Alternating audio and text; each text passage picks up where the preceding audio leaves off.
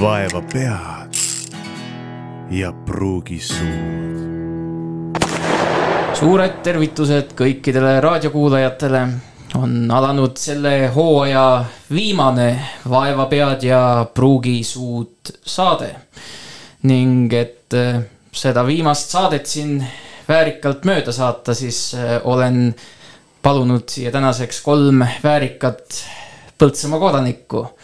Ja nimelt minuga koos on siin Heldur Lääne. tere. Rainer Tõnnis. tere, tere. ja Anti Orav. tere õhtust. kuna meil on ikkagi selline väikese koha raadio, siis võib-olla te alustuseks räägite kõik natukene sellest, et millega te viimasel ajal tegelete ja kus te oma eluseisuga niimoodi olete. et kes soovib alustada? No ma võin siis alustada, et ähm, päris pikalt jah, sai õige mitme asjaga tegeleda, aga, aga nüüd ma pean ütlema, et, et nüüd on selline ilus sirge joon alla tõmmatud ja mul hakkab varsti esimene aasta pensionit täis saama. et ähm, ma olen mitmel pool seda öelnud ka, et, et, et kellel on selline kavatsus, et tahab pensionile minna, et, et tulge minu juurest läbi, ma võin ohtralt kogemusi jagada. et minu jaoks oli see ikka selline väga ränk ja, ja oluline pööre. aga, aga nüüd ma olen sellest peaaegu üle saanud, mul on mingi oma selline hea rütm ja, ja kulgemine olemas. suvi küll natuke rõhub seda, sest oi kui palju igasugust juhuslikku tuleb vahele aga, aga et, et ma olen paiga saanud, aga ma julgen seda öelda, et, et, et sellist teravat pool aastat, kus ma nii palju tarkust sain ja mõistmist mul ikka ei ole tükk aega olnud, et see võrdub nagu mingisuguse sihukese hea kooli lõpetamisega, millel olid korralikud eksamid taga, nii et, et. et äh, soovitan soojalt kõigile äh, seda kogemust ja miks ma nii pikalt räägin sellest, siis äh, sellepärast räägin, et. et meil miskipärast sellest ei räägita üldse, see on peaaegu nagu surmast rääkimine, et keegi ei taha rääkida. kõik räägivad, et nüüd sa mine sinna ilusale puhkusele ja puhka nii, et, et noh, ja siis ma jälle ütlen kolm punkti, eks ole, et puhkab kuulen milleni. et, et, et see on teema tegelikult ja, ja vaimne selline muutus on tegelikult väga suur, see ei tähenda halba, aga see annab meeletu emotsionaalse kogemuse ja, ja soovitan soojalt kõigil läbi elada. Mis on ka paratamatu, eks ole, et niimoodi minul on läinud, et, et väga-väga põnev aeg on olnud, väga põnev ja emotsionaalne aeg, ütleks selle kohta nii et, et äh, aju on pidanud kohati ikka nagu kohviveski kogu aeg mulisema. no võtan siit siis jutujärje üle, et äh, tegelikult praegu ju on toimumas nii palju põnevat. nii seda, mis meie kontrolli all, kui seda, mis ei ole meie kontrolli all, et, et hakata rääkima sellest, kus ma praegu oma asjadega olen, ongi väga keeruline, aga peab hakkama siis enda lähemalt pihta, et, et minu elus on praegu selline nii-öelda selline nii-öelda etapp pärast pikka Põltsamaa etappi, eh, kus ma siis ka töötasin ja, ja elasin Põltsamaal, täna ma siis elan Põltsamaal, aga ei tööta enam Põltsamaal juba üheksa aastat. ja see on olnud ka minu jaoks nagu etapp, eh, kus ma olen saanud siis Põltsamaa elu, Põltsamaal toimuvat nagu vaadata veidikene kõrvalt, ilma et iga keharakuga peaks kõike nagu läbi elama ja tunnetama ja ja nii-öelda kaasa elama, nii et, et selles mõttes on olnud eh, väga huvitav asi, töiselt olen hetkel äh, ühes ehitusmaterjali tootvas äh, rahvusvahelises ettevõttes Baltikumi ärijuht ja. ja, ja selles mõttes on, on väga põnevad ajad äh, igas mõttes, nii et äh,.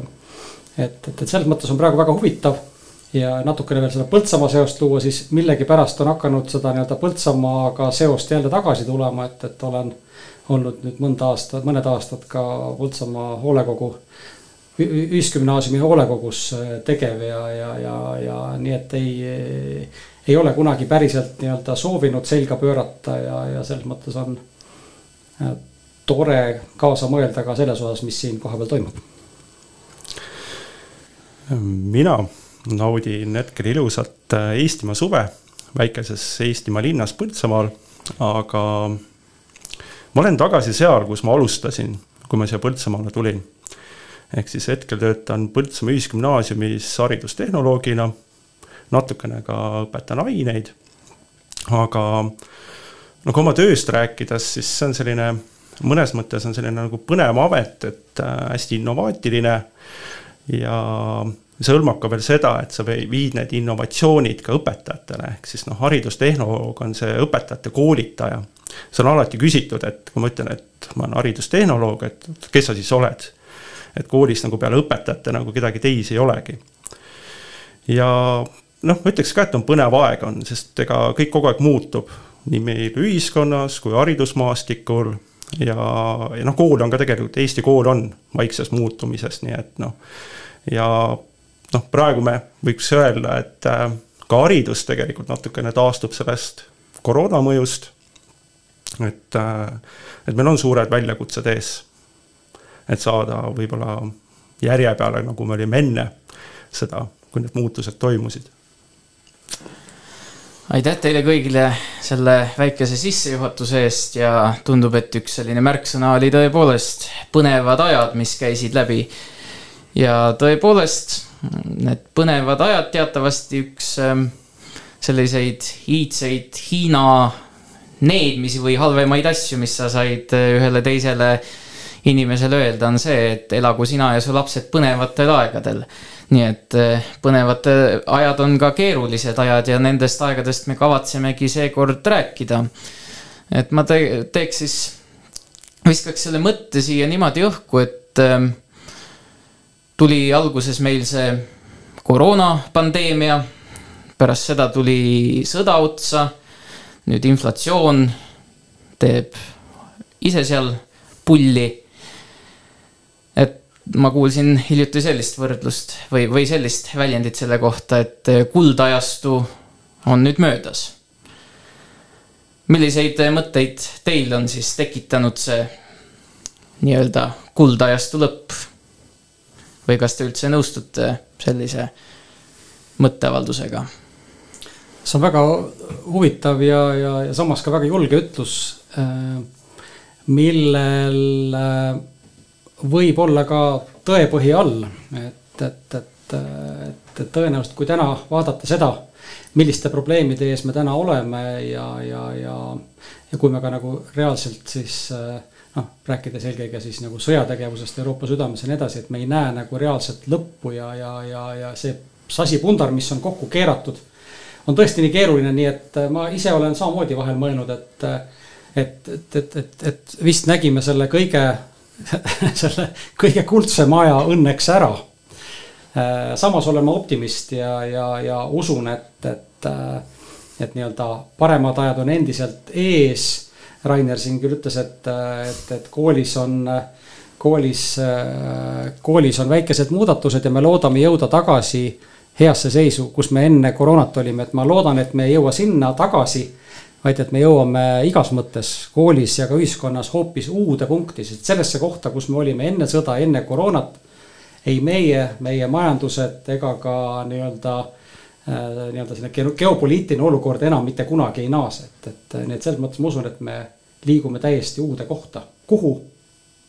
seda teab ilmselt Heldur kus sa ütlesidki, et näed, et õnneks on see aeg nähtud ja tõenäoliselt siis siin laua taga siis kõige õnnelikum selle üle on Heldur. siis järgmisena sina ja siis tuleb Rainer, aga mina olen siin, pagan, võtaks kõige õnnetumas seisus siis. No ma ei oska praegu aru saada, mida sa just mõtlesid, aga, aga, aga et noh, ma paneks seda õli tulla sellega, et me suht hiljaaegu rääkisime, et nüüd on ajaloo lõpp ka, eks ole, et, et ajalugu on ka kõik läbi aga tegelikult selle jah, kuldse aja kohta või nii üldisemas mõttes ma olen nõus. tegelikult aga äh, vot nüüd see hakkab see pikem eluaeg, eks ole.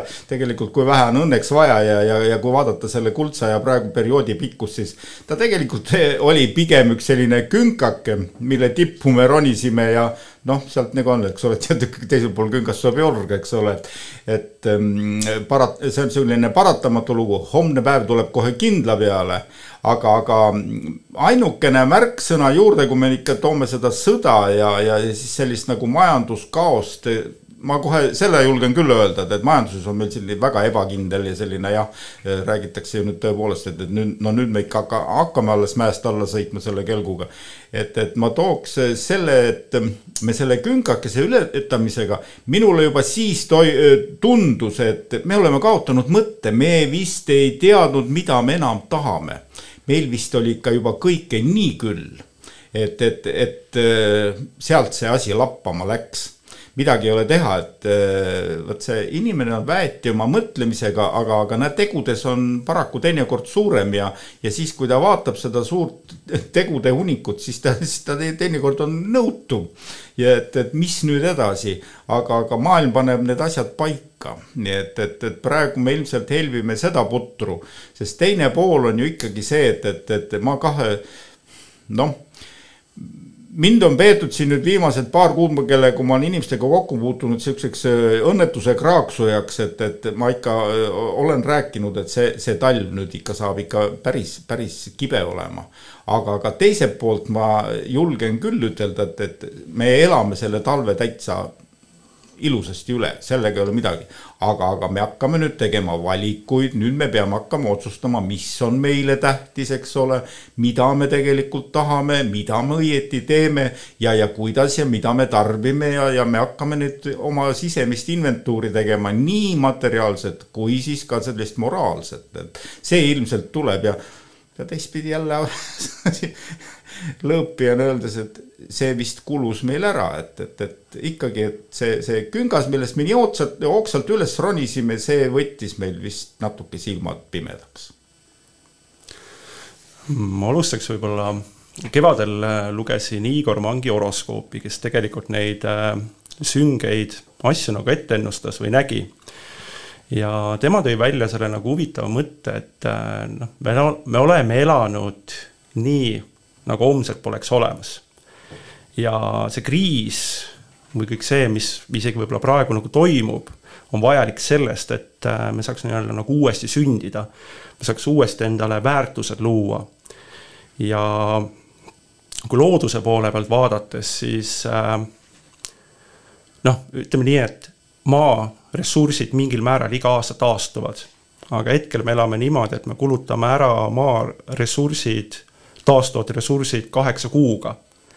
ehk siis neli kuud sellest elame justkui võlgu ja niimoodi iga aasta, noh, viimased kümme-viisteist aastat on niimoodi olnud.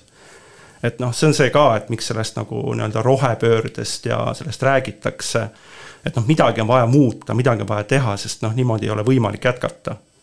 ja see paratamatult toob kaasa selliseid kriise, mis siis aitavad inimkonnal äh, tugevamana välja tulla ja nii-öelda noh, ma ei saa öelda, et uuesti elu alustada, aga kindlasti teistmoodi läheneda asjadele, kui praegu on tehtud jah, ilmselt ongi see jah, et me oleme nii-öelda see, see kuldaeg või mis, aga me oleme nii-öelda jah käinud nii-öelda pendel on käinud ühes servas ära ja nüüd me hakkame liikuma vaikselt teise suunda, et mina Mangi äh, suurem äh, nii-öelda lugeja ega austaja ei ole, aga, aga, aga kuna tal neid on olemas, siis ei saa ju midagi halvasti, halvasti öelda. ma ise mul endal on meelde, sageli meenutan ühte nagu hetke, see oli enne koroona aega, kui ma noh, tööga, töö, tööga seoses palju reisides ja, ja, ja natukene ka nii-öelda oma, omast ajast reisides. see võis olla üheksateist lõpp kuskil seal. Läksin järjekordselt Tallinna lennujaama ja, ja see lennujaam oli puupüsti rahvast täis no ikka päris täis, rohkem kui praegu neil aegadel, kui äh, turvakontroll, kontrolörid ei tule oma asjadega hakkama, et siis turvakontrollid tulid väga hästi hakka, said väga hästi hakkama, aga lihtsalt rahvast oli palju ja ma tajusin ennast mõttelt, vaatasin, et, et midagi on viltu. et, et noh, sa tegelikult, kui sa vaatad ka rahvast, sa tegelikult näed ka natukene nagu noh, ka nende nii-öelda teatud sellist noh, sotsiaalset sellist äh, päritolu ja nii edasi ja me teame seda, et, et mingil hetkel oli võimalik nädalane reis Türki võtta mõnesaja euro eest, eks. ja siis ma tabasin ennast mõttelt, ütlesin, et, et see ei ole jätkusuutlik, et, et, et kui ütleme, et kui nii suured hulgad inimestest äh, enam-vähem tajudes ka nende kasvõi igakuist sissetulekut. see ei ole reaalne, see ei saa toimuda, noh õnneks kahjuks tuli Covid ja, ja peatas lendamise, eks ju. nagu öeldakse, peatas selle nii-öelda ratta et, et mõned inimesed saaks maha minna, nii et, et täitsa päri, et, et see, see ei olnud jätkusuutlik ja, ja hetkel me oleme kohas, kus tuleb teatud väärtuste revisjon teha, et ilmselt mingid asjad saavad endale uue hinna, hinnalipiku ja ma ei mõtle siin seda ilmtingimata, et, et see nii-öelda süsiniku, ma ei tea mingisugune äh, kvoodi jagamine, sealt tuleks nagu hinnastada midagi, aga ma arvan, et see on nagu väärtuste ümberhindamine, mis tegelikult on tähtis. Heldur siin ütles juba, et, et ka see, et näiteks, et kui palju mul tegelikult vaja on. Et ma jätkan siit, kui, kui tohib ühe, ühe, ühe, ühe, ühe tuttavaga taba, olin just, mõtlen, ta oli pikalt töötanud, töötanud ühel lähivälismaa, lähivälismaal ühes ettevõttes päris pikalt ja. ja nüüd, kui jamad hakkasid, siis tuli koju tagasi ja käisime lõunat söömas ja. ja siis ta hakkas kurtma nagu, et näed, noh, et mis me siin nüüd teeme ja noh, siin Eestis ju noh. ei olegi midagi teha, sest noh, ma võin kuskil ettevõtte juhina töötada, aga siin ju ei maksta mitte midagi ja noh, alla kümne tuhande äh, euro makstakse kuus ja noh, et, et noh, et mis, mis sa siin nagu peale hakkad, no ei ole midagi võimalik, ma vist lähen ära Saksamaale või kuskile ja siis ma küsin ta käest, et kuule sõber, et palju sul vaja on? siis ta mõtles, mõtles, aa ah, jah. et ta, et ta, ta ei olnudki varem mõelnud, ehk siis ta on selles nii-öelda rattas, kõike tuleb nii palju peale. tal on kõik, kõik asjad juba olemas, kaatrid, suvilad, lapsed välismaa tippülikoolides. Aga endiselt oli see mõte, et nagu, et, et on vaja, vaja, vaja, vaja juurde. nii et, et, et tegelikult äh, et tegelikult ei ole ju väga palju vaja selleks, et olla noh, kas nii-öelda siis õnnelik, natuke klišee, aga. aga, aga ma arvan, et, et see ongi see koht, kus igaüks peab natukene mõtlema. jah, see, see Covidi lugu ongi nagu praegu nüüd ta ju, kui esimese hooga tuli, siis ma olin ju ka tööl ja, ja, ja veidike sedasi meditsiini tudeerinuna ka, ma ehmatasin ka ära, et, et püüdsin ka siis seda nagu eh, asja jälgida, et inimesed ikkagi sõitsid ja kuidas saaks see, et, et sa oleks eh, see bussis ei leviks ja, ja bussijuhid terveks jääks ja kõik see teema ja ma ikka olin päris ähmi täis, sest tõepoolest tundmatu haigus ja, ja, ja püüad sealt nagu mingisugused seosed siis kokku panna. Ja täna hommikul vist öeldi, et meil eelmisel nädalal oli kokku vist mingi tuhande kanti või kuskil oli neid haigestunud ja kaheksa surnut. et noh, kuna nendest praegu aktiivselt ei räägita, siis, siis et, et tegelikult äh, viirus ikkagi, ikkagi on siin, aga nüüd, kuidas me vaatame, me vaatame sellele kui lihtsalt nohule, eks ole. et, et minu jaoks ka just see, et, et kas see nüüd no ma selliseid igasuguseid vandeteooriaid ka hästi ei usu, et, et minu mõte nii keeruliselt eh, mõtelda ei oska, minul on natuke lihtsam, et, et, et aga, aga ta on kuidagi kummaline küll, et, et, et kas nüüd üks tulenes teisest, mis on ka ilmselt vist, et ta oli selline eellaine. Ja, ja vot oligi, et, et kui see majandus on sellised ülepumbatud ja hüperis, ütleme, eks ole, ja me ju olime ju kõik nii vapralt seda tarbimas siis, siis eh, noh, ta ikka nüüd ja siis järsku tuleb see stopp mingisugune. see oli ühelt poolt mõnede jaoks jube kergendus, ta tõesti võttis mingeid temposid ja mingeid asju maha, aga samal ajal, kus tuli kohe see vajaduse kompenseerimine ju, eks ole. kuidas hakkaski tegelikult see suur rahatrükk või selline sai ikka ju täiesti uue käigu veel juurde. ja nüüd kaks aastat hiljem me oleme nüüd siis mõlema ees, eks ole et, et, et ja, ja sealt see häda tuleb, nii nagu see Eesti häda praegu, et, nii suure majanduskasvuga, et meil võetakse neid eurotoetusi ära, me ei saa oma haiglat ehitada. eks ole, et, et meil on nii suur kasv, meil on nii meeletu inflatsioon, meil on kõik see kombo olemas, et, et, et sinna juurde nagu selline praktiline pool, et, et ma sihuke pätakas peas palju Tallinnas olnud ja, ja just enne seda Covidit ka, kui said Tallinnas suvel käia, siis no see vana linn, andke andeks, ma ei tundnud seda ära see ei olnud üldse see vanalinn, mis see vanalinn on olnud. kui need ümmarguste nende totakate numbritähtedega või nende, mis need on, need eh, kepi otsas numbritega giidid käivad, üks grupp, teine grupp, kolmas grupp, sa ei näe sealt ühtegi kohalikku, ma mõtlesin, et aga miks nad siia üldse tulevad, nad ei näe ju kohalikku elu. selle butafoori oleks võinud kuskile Tallinna külje alla ehitada, las käivad seal ja annavad oma raha ära ja ongi kogu lugu, aga tallinlane oleks saanud võib-olla eh, Tallinnas rohkem kompaktsemalt elada, et seal oli ju poed ja kõik kohvikus ju sinna ei lähe, sul ei ole kohalikul ei ole seal absoluutselt midagi teha, hinnad on ju laes, eks ole. ja, ja, ja, ja kui sul ei ole sõpra-tuttavaid ka, no sa ei käi ju mingi turistiga rääkimas, eks ole. et, et sihuke kahepoolne lugu. Covid tuli, tõmbas kriipsu peale, me mäletame, millisest hala hakkas tulema ja majandusteooriaid, kuni selleni, et oli ka mõni päris huvitav mõte, et vanalinna oleks ikka võinud kohaliku jaoks hoida, et oleks nagu taustsüsteem olnud, ei oleks kukkumine nii suur olnud. ma käisin nüüd suvel algusel jälle Tallinnas kõik on nii nagu vanasti kepikestega kiided, see Raekoja plats täis. no ja vaatasin ja nii palju me siis õppisime, eks ole, järelikult see laks ei olnudki nii valus, eks ole, et, et kõik on meelest läinud ja me paneks ikka jälle kappadi-kappadi edasi. et, et siin on mingi selline konks sees, mis, mis ilmselt noh, mida me ise teenime et, et kui me ikka ei hakka tõsiselt midagi teistmoodi mõtlema, siis me astume selle reha otsa järjekordselt. ja, ja nii nagu sina ütlesid, et, et, et see noh, me tarbime rohkem, kui me, see maa meid kannatab, et, et, et, et kas, kas meid on vaja, me räägime, et me oleme nii väike riik ja nii vähe rahvast, eks ole. ja aga me pistame selle maakese ikka nahka sedasi, et, et, et tükk tükki haaval ja müüme maha, et, et, et võib-olla peaks ikka natuke rohkem mõtlema tooks siia juurde ka tegelikult äh, ajaloolise mõõtme, et äh, ajaloos on niimoodi, et protsessid korduvad ja kui me vaatame noh, ütleme lähiminevikku ehk siis seda aastat, siis äh, kui te mäletate, kaks tuhat kaheksa toimusid ka Pekingi olümpiamängud, suveolümpiamängud. ja vahetult pärast seda toimus ka Gruusia sõda. ja peale seda tuli majanduskriis. hetkel on nii huvitav näha, et põhimõtteliselt samasugune nagu protsesside jada on samamoodi. Peking olümpiamängud, sõda ja ees on ootamas majanduskriis.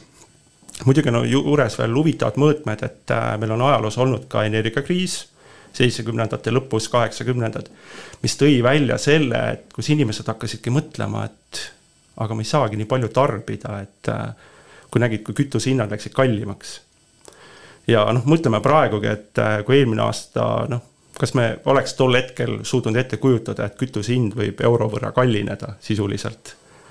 ja alles meil oli tegelikult, kus kütus maksis isegi alla euro. ja nüüd on sellest ikkagi sada kolmkümmend protsenti nagu kallim, et ja me neelame alla, sest äh, me saame aru, et meil ei ole valikut. ja samamoodi, kui me võtame selle Covidi teema, siis äh, umbes sada aastat tagasi oli Hispaania gripp, mis laastas samamoodi.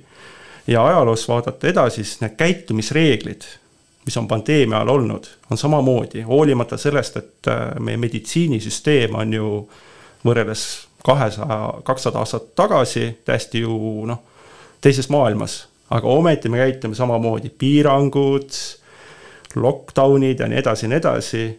et, et noh, see on, no mul tuleb üks niisugune, kuna Anti rääkis ka, et natuke reisimisest, siis äh, mäletan vahetult enne seda Covidit või noh, kui Eesti pandi nii-öelda lukku kolmteist märts, siis viibisin Šotimaal ja vaatasin tänavapilti ja noh, see on tüüpiline see, et äh, Aasia päritolu inimestel oli mask ees ja eurooplastel ei olnud ja siis mõtlesin ka, et no on ikka imelikud.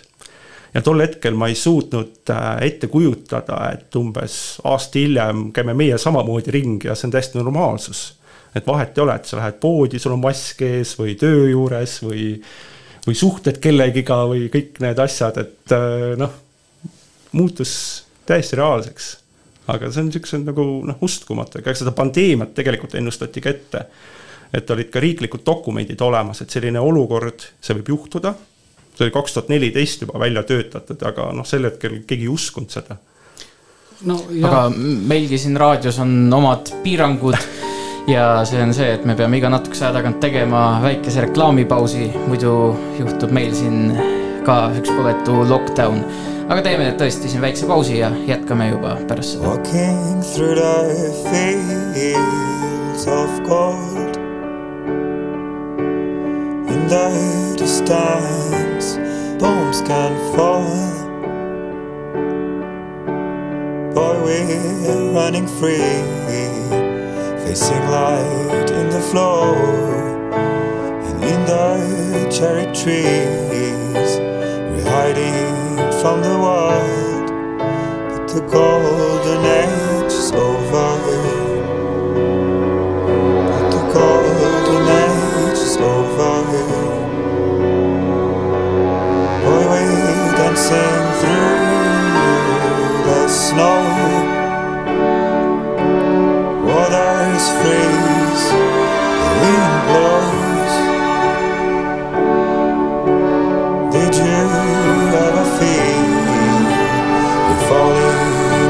floor. I would not believe the lights could ever go.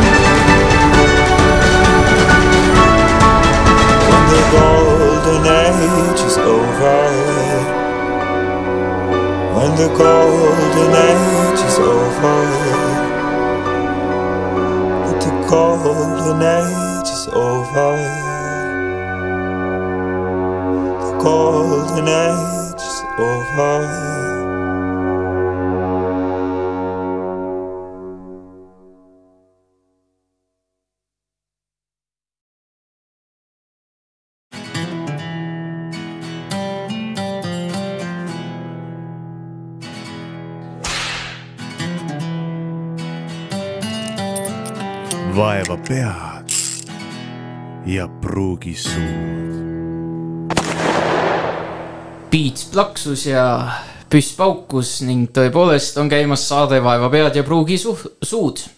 mina olen saatejuht Samuel Aksel Maikalu ning mul on siin laua ümber täna kolm vallakodanikku.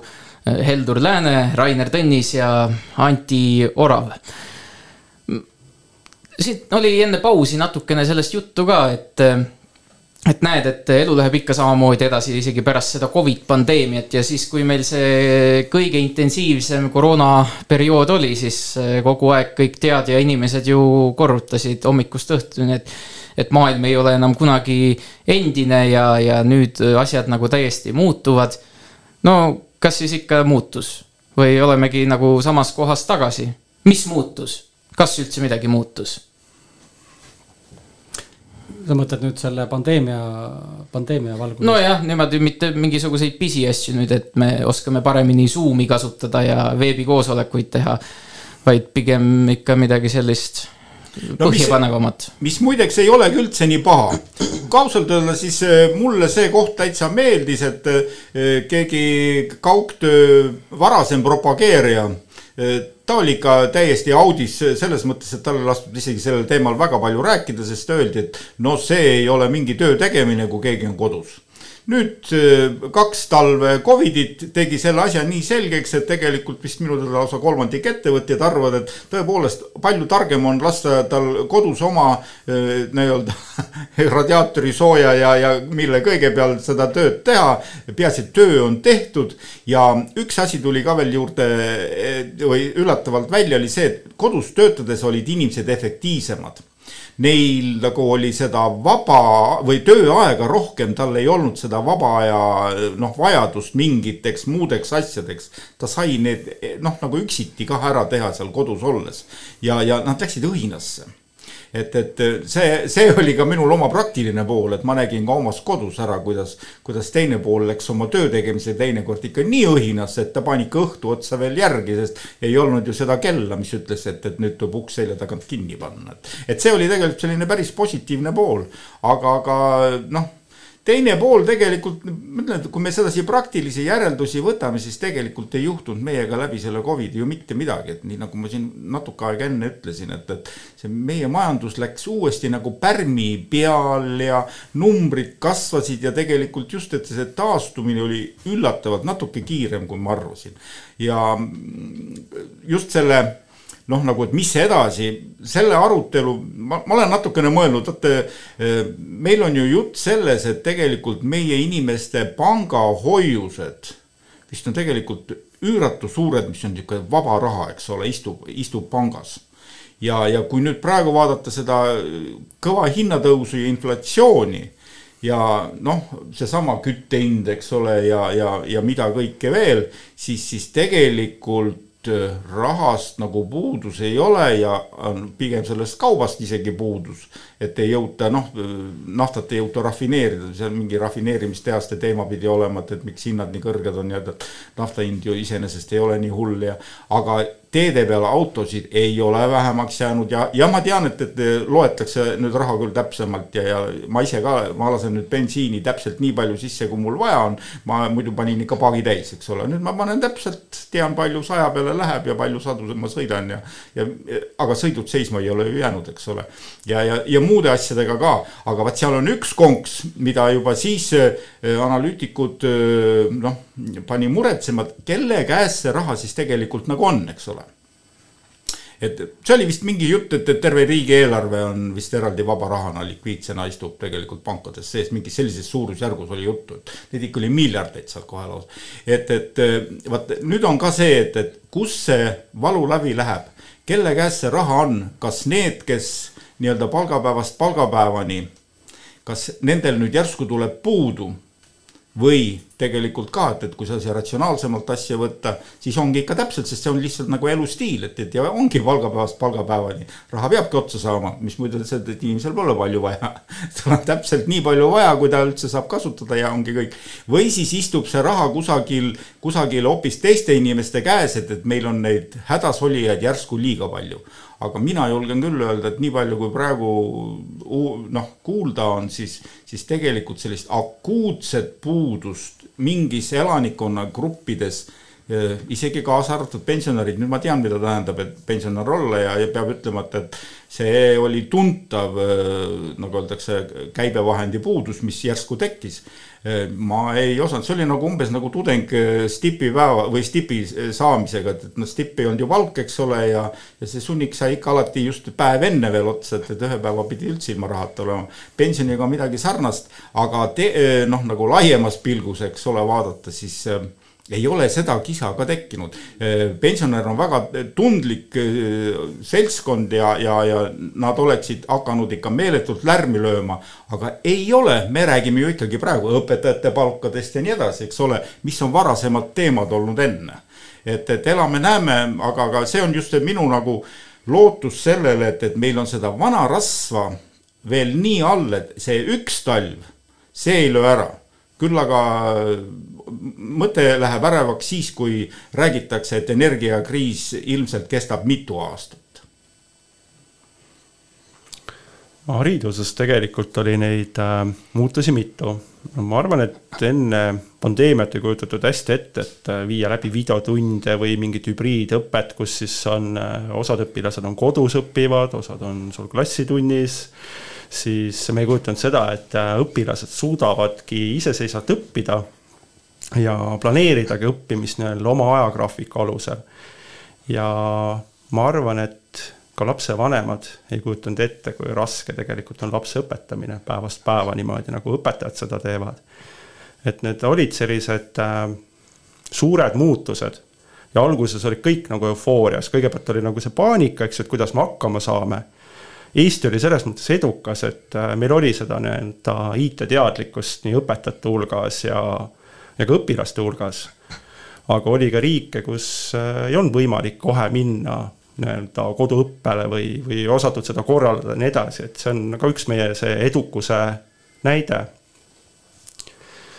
ja noh, ütleme niimoodi veel hariduse poolelt, et äh, hiljem tekkis see soov just, et nüüd tahaks olla koolitunnis, tahaks õppida nii, nagu vanasti õppisime, et meil tekkis see küllastumine, et, et noh, seda oli liiga palju, seda koduõpet ja nii edasi.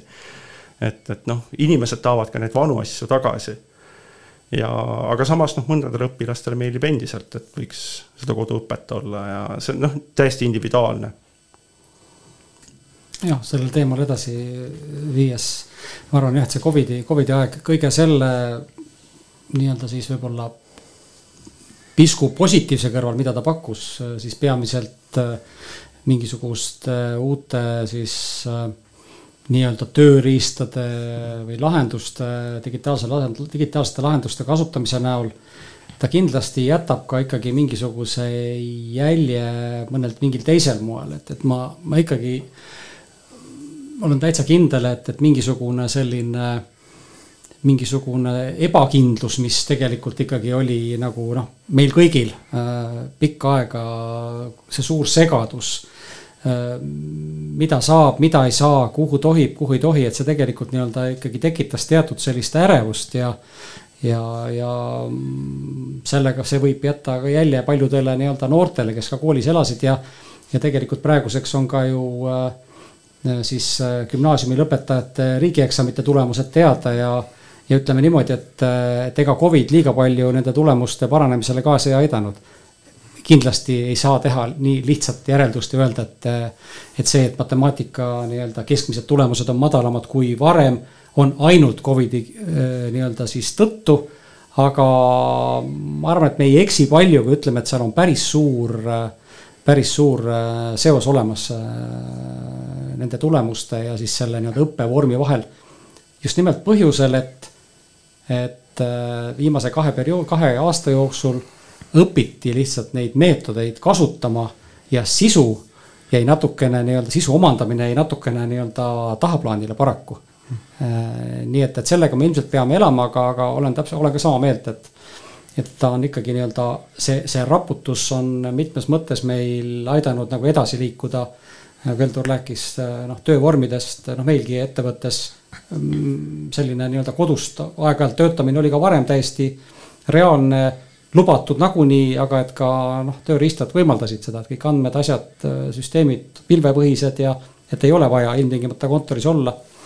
aga pärast nii-öelda siis seda nii-öelda kohustuslikku isolatsiooni aega äh, inimesed kasutavad seda võimalust veel rohkem, ehk siis kodus said äh, mõnusad töönurgad sisse seatud ja, ja need omaenda töörutiinid tõenäoliselt said paika loksutatud, et varem ei kujutatud seda ette, et mismoodi ma nüüd kodus töötan, eks ju, või kuidas ma seda teen, aga. see sobib paljude jaoks, aga paljude jaoks ka see üldse ei sobi, nende jaoks ongi see tööle nii-öelda päris töökeskkonda tulek.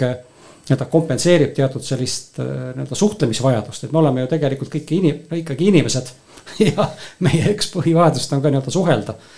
mõnedel inimtüüpidel rohkem, äh, teistel natukene vähem Äh, aga, aga ma arvan, et äh, seda ka nagu ei saa alahinnata, jah.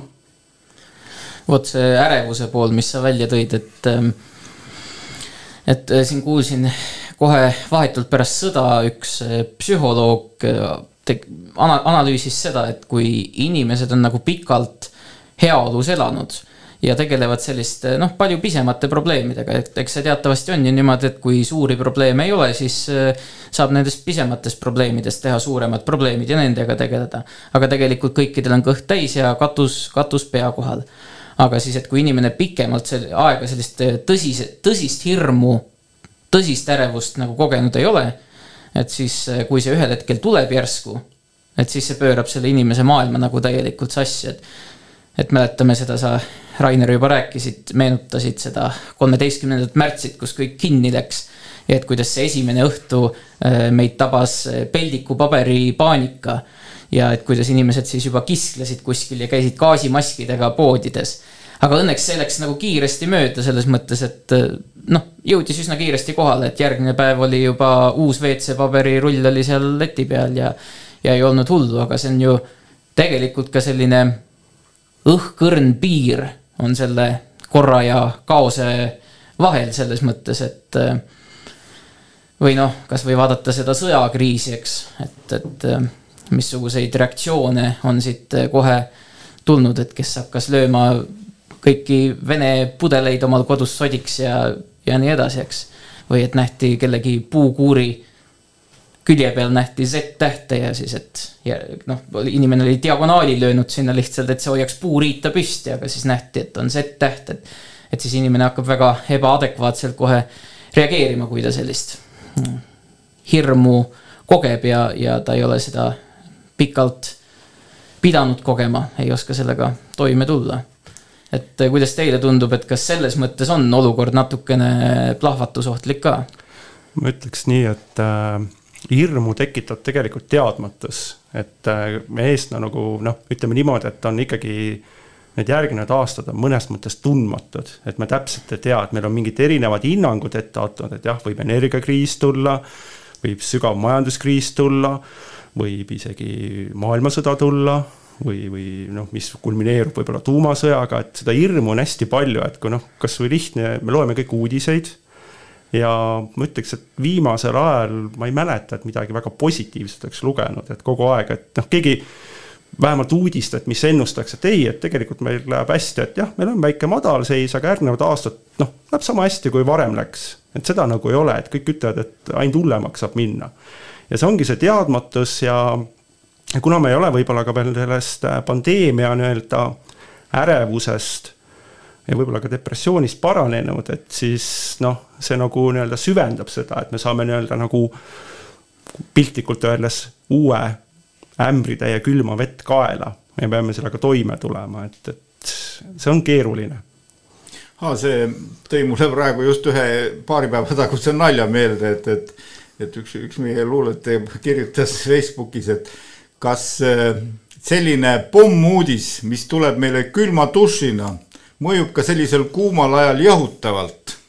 et natuke mõteldes selle üle, siis võtab muigama küll, et, et, et nii ta paraku on, et, et sinu jutu jätkuks kohe ta päris hästi sobib, et, et, et mis see uudis peab olla. jah, mina lugesin alles ka nüüd vist eile uudist, kus tegelikult räägime energiakriisist ja puudujäägist ja meeletust hinnast. tegelikult tuleb välja, eelmisel aastal toodeti neli protsenti Euroopas energiat rohkem kui muidu ja, ja praegu nüüd, kus pannakse uusi jaamasid käima, et, et see tegelikult energiat tuleb juurde. minu minu küsimus on, kuhu tema jääb, et tema nüüd nii kallis on, eks ole, et kuhu tema läheb. et äh, siin on seesama teadmatuse lugu. Nord Pooli valemit tavainimene ei suuda mõista äh, sest see on tagurpidi valem ja, ja, ja, ja ta on kuidagi selline, vaat selline astroloogiline lugu, et, et, et järsku hakkavad teatud positsioonis hakkavad planeedid retrokraadselt, tähendab tagurpidi käima ja lööb kogu turu sassi. et, et miks ta ei võiks olla selgem ja läbipaistvam ja, ja siis, kui räägitakse spekulantidest, siis ma ikka tahaks kohe teada, kes need siis spekuleerivad. et miks me seda, sellest ei räägi, et me räägime mingitest spekulantidest, see on ju meie ühine turg ja, ja, ja miks me ei peaks teadma, kes siis spekuleerib seal. et, et sellised vahvad asjad, aga mis selle Covidi puht noh, nagu sellise suure nagu vastuseisu tõttu või sees oli oli tegelikult mm, minu arvates üks selline nüanss juures. esiteks, Covid tegelikult pöörati imekiiresti poliitiliseks oli, kohe oli kasulõikajad ka selles sfääris juures ja igaüks siis interpreteeris seda omat pidi. ja teine pool, see meie inimese vaba hing ja Covidi sellised, ütleme ju noh, ma ei ütleks ka juriidilised, aga riigipoolsed äh, piirangud, mis tehti seaduse jõuga.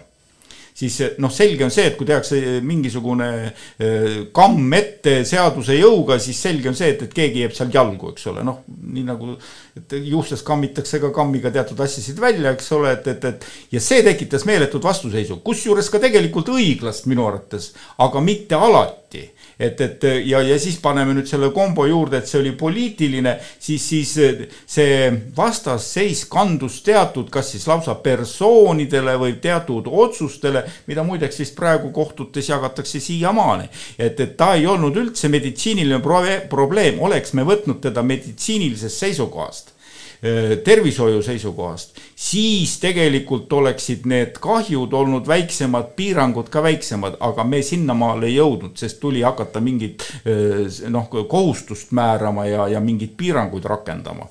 aga, aga vaata nüüd äh, tahaks kraaksuda nüüd nagu seda musta tulevikku, eks ole, juurde siis seesama, et, et kui need hindade tõus ja kõik ja see inimene peab hakkama jagama, kui me olime enne Covidi süsteemis sunnitud sellist isolatsiooni olema, ei teatrit, restorani ja, ja kontserti, ei midagi, eks ole. siis noh, ta kuidagi töötas ja ei töötanud ka, aga kui see isolatsioon tuleb nüüd läbi kõrgete hindade ise, et ma peangi oma puualgusid ostma ja, ja panen oma viimase raha sinna, piima tahaks ka ikka munakasa kätte saada, mis oli nii odav hommikusöök ja nüüd, kui tuleb välja, et, et järsku hakkab nagu juba pidusöögiks muutuma, et siis hakkan oma ise valikuid tegema ja lähen ise nende samade asjade suhtes isolatsiooni. ma ei käi enam kinos, teatris, kontserdil ja restorani ka enam sööma ei lähe. siis ausalt öelda, vot see kombo on juba ikka päris hull lugu. aga, aga kohe rahustuseks juurde, et, et, et mina seda sellel talvel ei näe, meie rasv on nii paks, no tee, mis tahad, eks ole. seal tuleb mingi, aga ta võib hakata trendi näitama ja, ja üleüldse, et, et, et kas need hinnad üldse lähevad talvel üles mm ja Teldur väga-väga rääkis väga tähtsast teemast, ehk siis seesama elektri hinna kujunemine, mis ka minu arvates on äh, väljunud selgelt kontrolli alt, et kunagi, kui ta ju äh, välja arendati, siis ta arendati eeldusel, et äh, turul on nii-öelda palju pakkumist, pakkumine ületab nõudluse. tänapäeval on, on olukord, kus tegelikult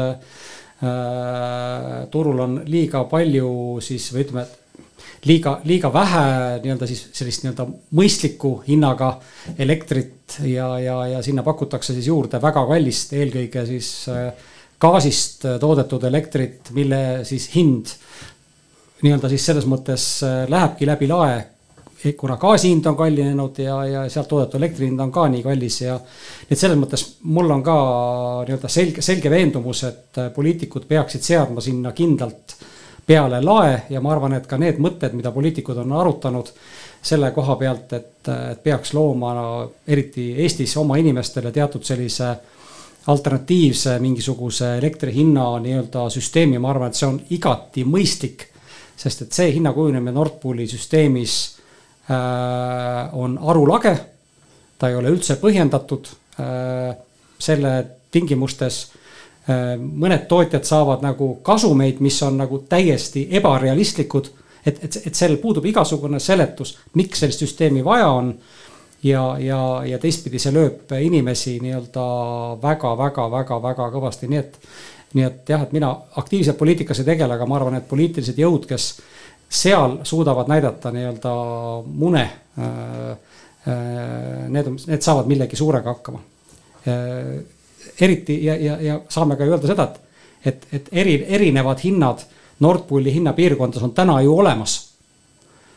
väga paljudes Norra piirkondades, Soome piirkondades, Rootsi piirkondades on elektri hind oluliselt madalam kui see, mis meil siin Eestis on, nii et selles mõttes erandid on olemas. see on tänane praktika, seda tuleks lihtsalt ära teha. aga tuleviku kraaksumisest äh, ka, et see kraaksutus oli väga-väga julge ja, ja, ja võib-olla läheb täide, aga ma usun, et see nii-öelda tulevikupilt, kus inimesed äh, peavad hakkama siis nii-öelda enda tarbimisele piiranguid seadma sellepärast, et neil puuduvad võimalused või et nende vaba raha hulk, mida nad varem kasvõi näiteks meelelahutusele on saanud kulutada, saab olema piiratud. siis äh, see võib täitsa juhtuda. aga ma ise, ma näen isegi seal positiivset, ma usun, et turul on väga palju väga kehva kvaliteediga meelelahutust, mille kadumine oleks Eestile kui äh, kultuurrahvale pigem kasuks see oli sul muidugi minu arvates praegu nüüd kõige julgem väljaütlemine selle saate jooksul, aga, aga eh, ma võib-olla mitte kohe päris nõustudes, aga, aga toetades sind. Eh, tegelikult ka, et, et ma olen nii mõnigi kord jäänud sedasi mõtlema, et, et see meelelahutus ja kõik, mis see meie meelelahutus nüüd on, see on sisuliselt nii, et ma lähen ja maksan, eks ole, ja siis lahutatakse minu, minu meelt. mina mäletan neid häid armsaid aegu, kus ikka tuldigi käed taskus, ei makstud midagi, aga istuti kokku ja räägiti. Ja mitte siin nii nagu või noh, just, et nii nagu meie siin stuudios, aga räägiti omaette, omavahel ja arutati maailma asju ja, ja terveid õhtuid võidi niimoodi veeta. kas te teate, kui kosutav see oli, kui palju ta andis, kui palju sa ise pidid siis noh, ennast jälgima, oma mõtteid paika panema, püüda aru saada teisest? Et, et sellist empaatiat ja kõik andis juurde, minu arvates see tegelikult oli väga sisuline ja, ja, ja korralik meelelahutus, seda praegu ei ole üldse. Me ei räägi enam isegi ilmast vist üksteisega nii väga. aga Heldur, ma siit lähen, lähengi edasi, tegelikult ajad on sedavõrd muutunud, et need ajad, mida sa siin meenutad, ma aiman, kus nad olid, et. et, et see teineteise meelelahutamine kui meelelahutuse formaat, ma arvan, et, et see, see tulekski ellu äratada ja paljud seda ka viljelevad. aga tolle ajal, kui see oli väga elujõuline äh,, oli rahvas väga palju ühtsem täna noh, mida me tegelikult näeme, on väga palju eraldusjooni inimeste, ma ei tea, väärtuste, tõekspidamiste, elatustaseme, aga poliitiliste veendumuste või siis mitte veendumuste, aga teatud siis selliste nii-öelda äh, määratluste vahel, mis ma usun, et täna seab päris palju nii-öelda piire sinna, et inimesed ei saa kokku tulla, sest et tõenäoliselt minnakse tülli enne teist vaatust et te peategi silmas seda nõukaaja lõpupoolt, kus ja oli see ma, ühtsus ma rohkem. just tahtsin praegu ja, öelda, ja, ja sa kohe saad öelda, aga enne me peame tegema ühe väikese pausi No nii et pea seda mõtet korra kinni.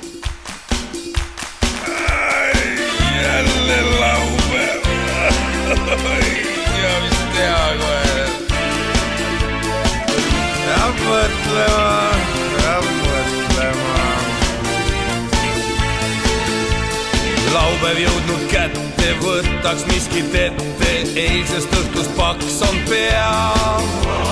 kupa visand ette, võtaks ennast kätte, hing ja ihu ikka pea piinan ajurakke, hüppan rõõmust lakke, sauna mõte tundub hea yes!. kiirelt vihad vette, sauna ahju lõke, keris kuum on õige pea. viska leili, leil on tervisele hea, viska leili, küll on mõnus soe ja hea, viska leili, koldid pehmeks klaariks pea, viska leili, ikka leili.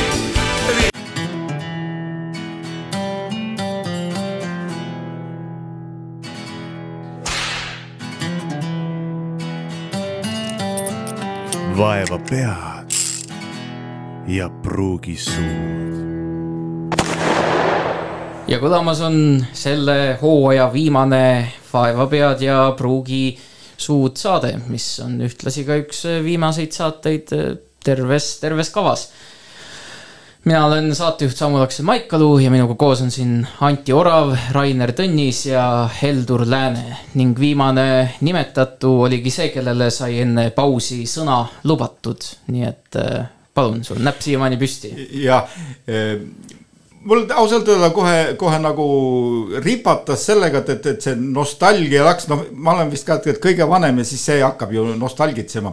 aga ma just sellesama meelelahutuse ja selle, selle jätkuks tahaks, et, et selline ilus, ehe ja tegelikult päris pikka perioodi kestev meelelahutus oli siinsamas kõrval olev Etekavelli saun see toimis igal reedel äh,, oli ka laupäevad jah, et, et reede tuli vist hiljem, algselt oli ta laupäeval ja ja vaat see oli nüüd, me räägime oma nõukogude ajast ja kõigist, et ma üldse noh, minu jaoks oli nõukogude aeg meeletult maha visatud aeg ja hall aeg, mida nagu ei tasuks meenutada, aga kuna see oli lapsepõlve lugu, siis selle sauna kohta saan ma öelda sedasi, need mehed seal olid alasti, eks ole. Nad olid võrdselt, kes seal käisid seal käis Kalju Teras, koolijuht, kes tegelikult oli ikkagi päris veendunud kommunist, eks ole. seal käis Herbert Kuurme, kes oli tegelikult ju sellel ajal ju ütleme seal kuskil seitsmekümnendate algus, kuuekümnendate lõpp, oli ju tegelikult just selle kirikuga saanud, tegelikult siin oli ju usuelus läks päris hästi, eks ole, oli järjel seal oli näiteks, ma ei oska eesnime ütelda, vana reeder see oli, ta oli tegelikult saksa ohvitser, ta oli vist lausa mingi kapteni aukraadis, midagi sarnast, ta oli Siberi läbi käinud, ta oli ETK-Velis tööl. vana uuringuaednik, eks ole, kes valdas kõikvõimalikke teemad, neid, just neid Eesti-aegseid nagu spetsialiste oli tegelikult kombinaadis palju. Ja, ja, ja nad olid kõik koos. Neil olid noh, see ütleme korralik intellektuaalne alus oli kõigil ja, ja, ja, ja siis räägiti omavahel, et, et see teemade ring, mis seal oli, oi, tegelikult mindi üksteise peale kohati väga kurjaks, aga nii nagu ma alustasin, kõik olid alasti, kõik olid võrdsed.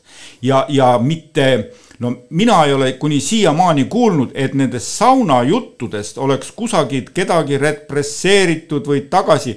ma nägin, kuidas Kuurme ja Teras omavahel vaidlesid, kuidas Teras seletas nendele eestiaegsetele meestele uusi asju, kus ta sügas lausa kukalt, ütles, et jah, niimoodi võib see ikka olla, sest ta oli ju ka tegelikult vanast taluperest, et ta ei olnud kusagil mingisugune kuu pealt kukkunud punane, eks ole. ta oli asjalik, asjalik mees ja, ja pragmaatiline mees, et, et see oli tegelikult kogu sauna seltskonnale oli ikka täis puhas eh, happening, ütleme praeguses mõistes. ja, ja see töötas ja see töötas sellepärast pool asja oli, milleks sinna mindi, pesta oleks saanud kuskil Toobris ka. aga, aga see, et, et mindi kokku, istuti maha, muideks need tulemisajad olid ka võrdlemisi ühel ajal, ega ei olnud niimoodi, et nagu tunnisaun, et üks tuleb, teine tuleb ei algul ikka tuldi kõik nii palju, kui mahtus, mõni muideks jäi isegi ukse taha, et pidi ootama natuke, aga, aga et, et, et see, see rituaal tehti läbi ja, ja, ja kõige huvitavam oli see, kui mehed liiga vait jäid, siis saunamees võttis alati midagi ülesse. Ja noh, siis nii nagu siin, eks ole, et ühesõnaga, et, et, et, et selline, selline noh, see võimaluste pool on tegelikult äh, hoopis laiem, kui meie praegu siin osta-müü selles süsteemis võtame. ja me oleme tegelikult päris paljust ilma jäänud. me jätame oma meelelahutuses enda panuse praegu kusagile. et jah, igasugused ilusad äh, seltsid ja tantsijad ja lauljad, nemad teavad, nemad teavad ka, mida see tähendab. aga neid on võrreldes ülejäänuga natukene vähe, eks ole. et, et, et see on täiesti koht, mida tasuks, tasuks mõtelda, mida võiks uuesti kaasa tuua ja see oleks oleks just selle meie vaimse tervise suhtes, millest tegelikult me ikka tunneme meeletut puudust, et see on ikka väga ebastabiilne, seal oleks väga hea puhas majanduslik kasu ma julgen no, öelda. saunakultuur jah, on üsna vana, üsna vana idee, et mõned tuhanded aastad tagasi Just. juba Roomas käidi ja. saunas ja, ja aeti asju ja tegelikult äh, mul endal täpselt sama kogemus, et äh, kord saunas, kord äh, nädalas käin ma ühes konkreetses saunas, ühes konkreetses mm -hmm. seltskonnas ja, ja need on väga toredad õhtud, seal reeglina ei tülitseta. vahel räägitakse veidi valjemalt, aga, aga alati saavad kõik puhtaks nii ihult kui, kui vaimult ja lähevad järgmine nädal jälle tagasi, nii et üleskutse siis meie poolt vähemalt üks üleskutse siit. minge sauna koos teistega. just aga need ongi siis meelelahutusest üldse selline arusaam, et, et noh, me ütleme, et me maksame selle rämpsmeelelahutuse eest, aga samas teised asjad on need, mille eest ei maksa ka rahaliselt vähemalt, eks ole, vahime mingi Tiktoki lihtsalt päev läbi, et, et ma vaatan küll, kuidas inimesed kaovad siin ära, mitte ainult noored, et selles mõttes vanemad inimesed võtavad ka neid harjumusi ikkagi väga kiiresti. võtavad, võtavad niimoodi üle aga ka selline saunakultuur, et me tuleme kokku ja ei tülitse ja siis seal nagu räägime, see nõuab ju ka mingisugust teatavat äh, ühtsust. ja sellest me oleme siin sellel hooajal samas saateseerias rääkinud ka korduvalt, et mis see, mis see ühendav faktor peaks meil siis olema või kuidas me ennast siis üldse niimoodi ära lepitame.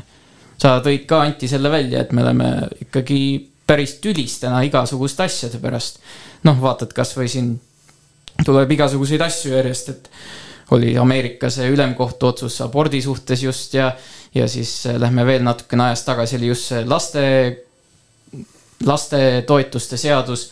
et iga asja üle tulevad kohe mingisugused täiesti sellised fundamentaalsed lõhed nagu kohe sisse. Et no, kas me oleme siis nii lõhestunud ja, ja mis see võluvõits peaks seal olema? ega kas me nüüd nii väga lõhestunud, selles mõttes me lihtsalt äh, väljendame seda nagu üldlevinud kultuuri ja meelsust, eks ole, et, et sihuke tavapealkiri oli, et inimene on inimesele kohtunik. et me oleme lihtsalt selle omaks võtnud aga, aga vaat nüüd seda ühtsustunde tekkimist, vaat see nüüd on küll minu arvates selline asi, seda ei saa sünnitada, see peab tekkima. Ja, ja millest ta tekib, vot ei tea. aga ma tean, et ühtedega tekib ja teistega ei teki. Et, et eh, eks see on rohkem selline süvaanalüüsi lugu. Ja nüüd ikkagi nagu, et, et kõrvalmärkanud, et me pidime nagu rohkem eh, või plaanisime majandusest rääkida, eks ole, siis, siis tegelikult majandus on nii ürgvana asi ka, et, et tema tegelikult vot nendest samadest suhetest ongi tekkinud et, et sealt tuleb see vajaduse lugu ja siis on seda vajadust vaja rahuldada ja nii edasi. aga me oleme temas ajanud nii, nii kõrgele tippu ja kui me rääkisime siin, et, et kuldajad ja kõik, eks ole, siis me tõepoolest oleme nagu sellise majanduslikus mõttes, me oleme ikka nii tippu ajanud, et, et me ka füüsiliselt no ei jõua seda kõike läbi ahmida see on äh, nagu hea näide oli, et, et äh, üks mees tegi, Kennis tegi äh, oma sugupuud ja siis tal juhtus võtma, match ima juurde ka väliseestlased, aga nood siis olid seal jälle oma neid juurde pannud ja ta oli nii võidukas, kui ta ükskord ütles, et kas sa kujutad ette, mul on miljon kaheksasada tuhat neid noh, nagu inimest riburada pidi kuidagi seotud võrgustik üle maakera ja, ja, ja järgmine kord ütles, et kaks miljonit ja siis, kui ma kolmandal korral küsisin, et noh, kuidas siis nüüd on, et, et kasvab juba progressioonis või? ta ütles, et ma lõpetasin selle ära kuidas, kuidas olid nii entusiast, et, et esimest otsa on juba raske kokku saada ja tahab palju tööd, et, et miks sa siis nüüd kohe sisuliselt sedasi üleöö lõpetasid? ta oli teinud lihtsalt äh, telefoni peal tehte, et, et kui tal see kaks miljonit kontakti oli, et, et, et neid läbi vaadata ja sekund igaühele, ma suren enne ära. et ühesõnaga asi muutus mõttetuks et, et ja nii on meil väga paljude asjadega, et, et, et meil on nii palju käes niisama, et sa Tiktoki, Tiktoki enne saab internet täis, kui, kui sina jõuad Tiktoki läbi käia, et, et, et see on see meie, meie häda, see on meie häda kohe. ehitaks siit edasi samas ühtsuse teema, ma arvan, et äh, praegu käimasolev selline segadus äh, ja kriis tegelikult, eks ju, kas ta siis päädib suure jällegi ette kuulutatud majanduslangusega ja nii edasi. seda me ei tea, et tegelikult ei tea seda keegi.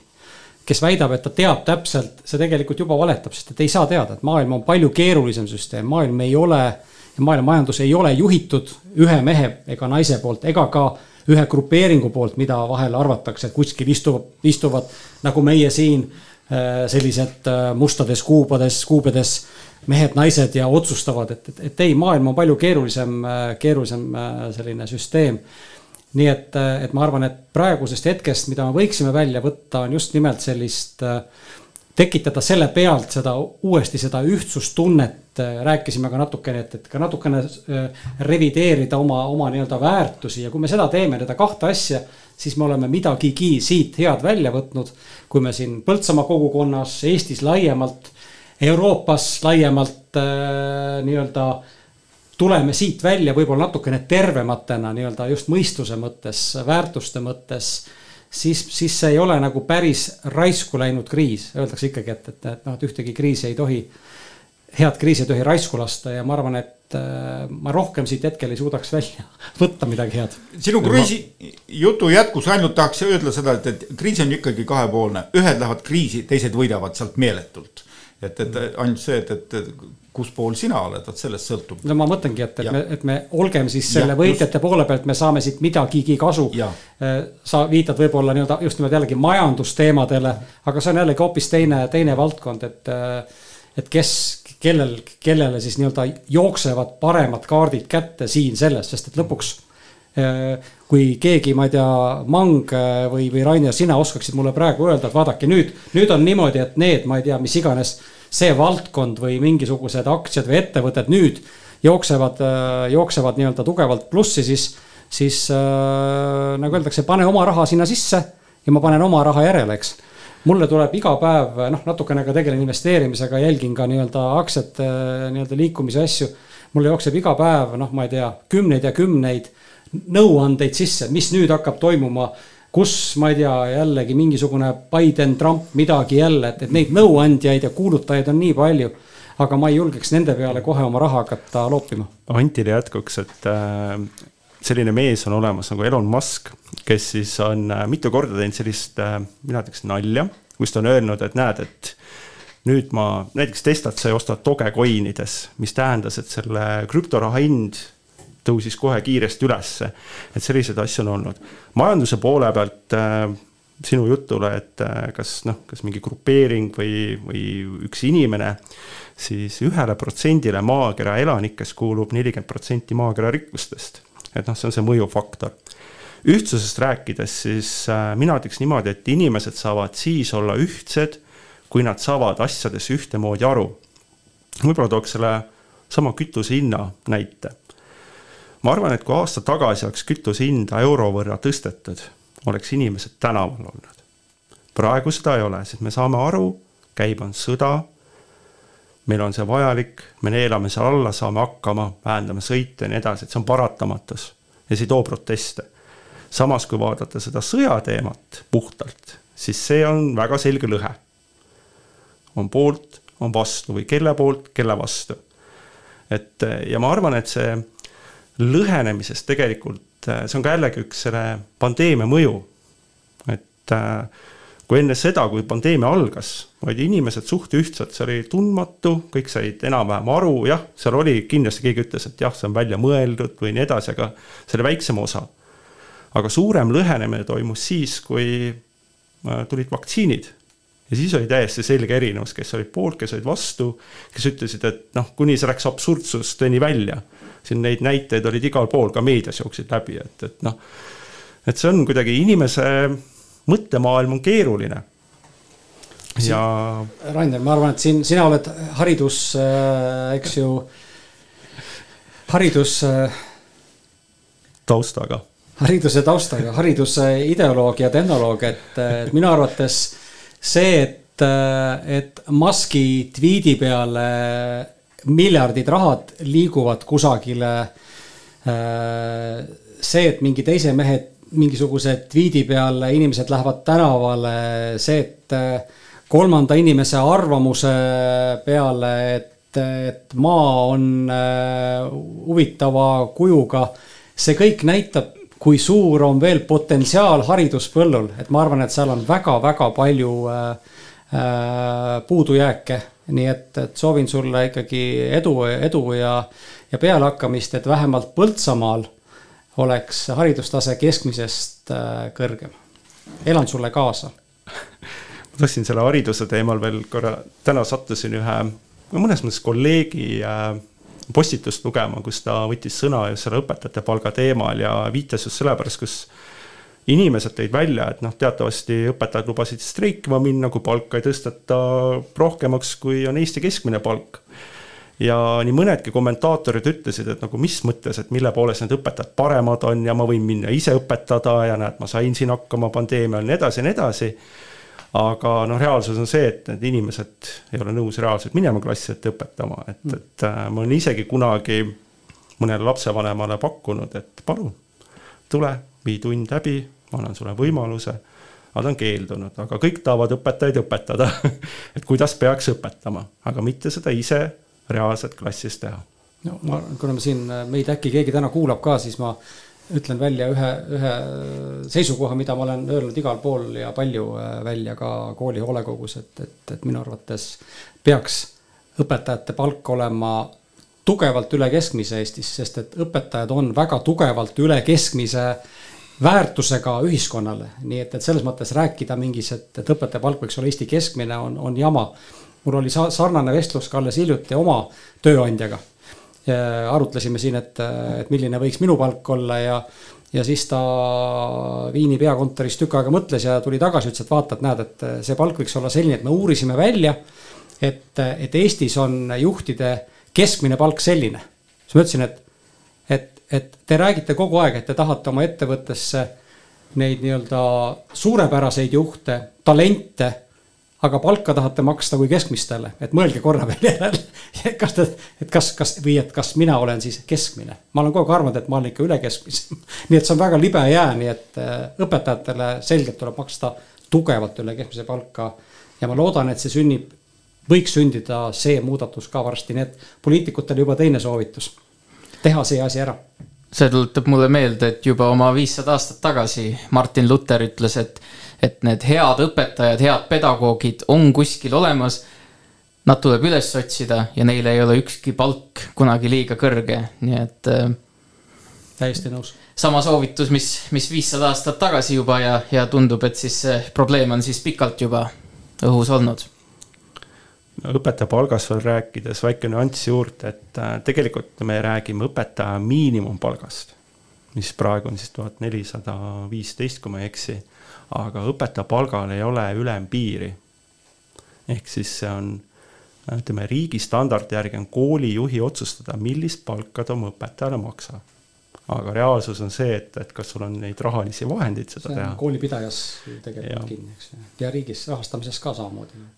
täpselt nii kusjuures, kui selle ühtsustunde juurde tagasi tulla, siis Raineri jutt, et kuidas, kui aasta varem oleks tõstetud äh, kütuse hinda, siis oleks inimesed tänaval olnud, siis mul oli just hiljuti vestlus ühe noormehega, kes tuli alles kaitseväest. ja kui ma talt küsisin, et, et noh, kas sa oled nüüd valmis isamaa eest surema ja siis ta ütles mulle väga kiiresti, ilma kord, sekunditki mõtlemata, ütles, et kui kütusehinnad oleks normaalsemad, et siis küll oleks. ja selles mõttes, Anti, sa ütlesid, et näed, et me peame revideerima oma väärtuseid. aga ega need väärtused ju ei ole sellised asjad, mida sa saad nüüd kätte võtta ja istumegi maha ja hakkame nüüd väärtuseid tegema, et missugused väärtused me ette paneme, et väärtustel on ju ikkagi väga pikk ajalooline taust ja kultuuriline taust. ja sa ei saa lihtsalt lambist välja mõelda, et need on nüüd meie uued väärtused. hakake neid asju siis väärtustama ja samamoodi sa ütlesid, Heldur, sama asja ju selle ühtsustunde kohta. et eh, kuidas me siis seda probleemi lahendame, seda oma väärtuste kasvu? et eh, uju, uju või upu ja siis. lahendame selle asja ka ära täna siis ja siis on nagu saade ühel pool see väike asi ka. see väike asi ka, jah no ütleme, et eh, jah, võin alustasin, kuna vist selle teema natukene nii-öelda õhku viskasin, et mida ma selle all mõtlesin, on, on see, et, et nii-öelda sellises sellises nii-öelda heaolu seisundis, kus, kus noh, nii-öelda ikkagi heaolu jõudis teatud hetkel ja täna endiselt veel on väga paljude inimesteni jõudnud. Äh, meil on Eestis palgakasv sel aastal prognoositakse üle kümne protsendi ja nii edasi, et inimestel on endiselt hea olla. Äh, et, et, et, selle väärtuste revideerimise juures ma mõtlesin, et, et, et inimesed peaksid mõtlema, et mis tegelik, mis on tegelikult tähtis tema jaoks et, pigem nagu sedasorti nagu selline sisemine mõtisklus teha, et et, et, et kas, kas kõike, mismoodi tegelikult on mõistlik elada, kasvõi näiteks hoiak äh, keskkonda näiteks.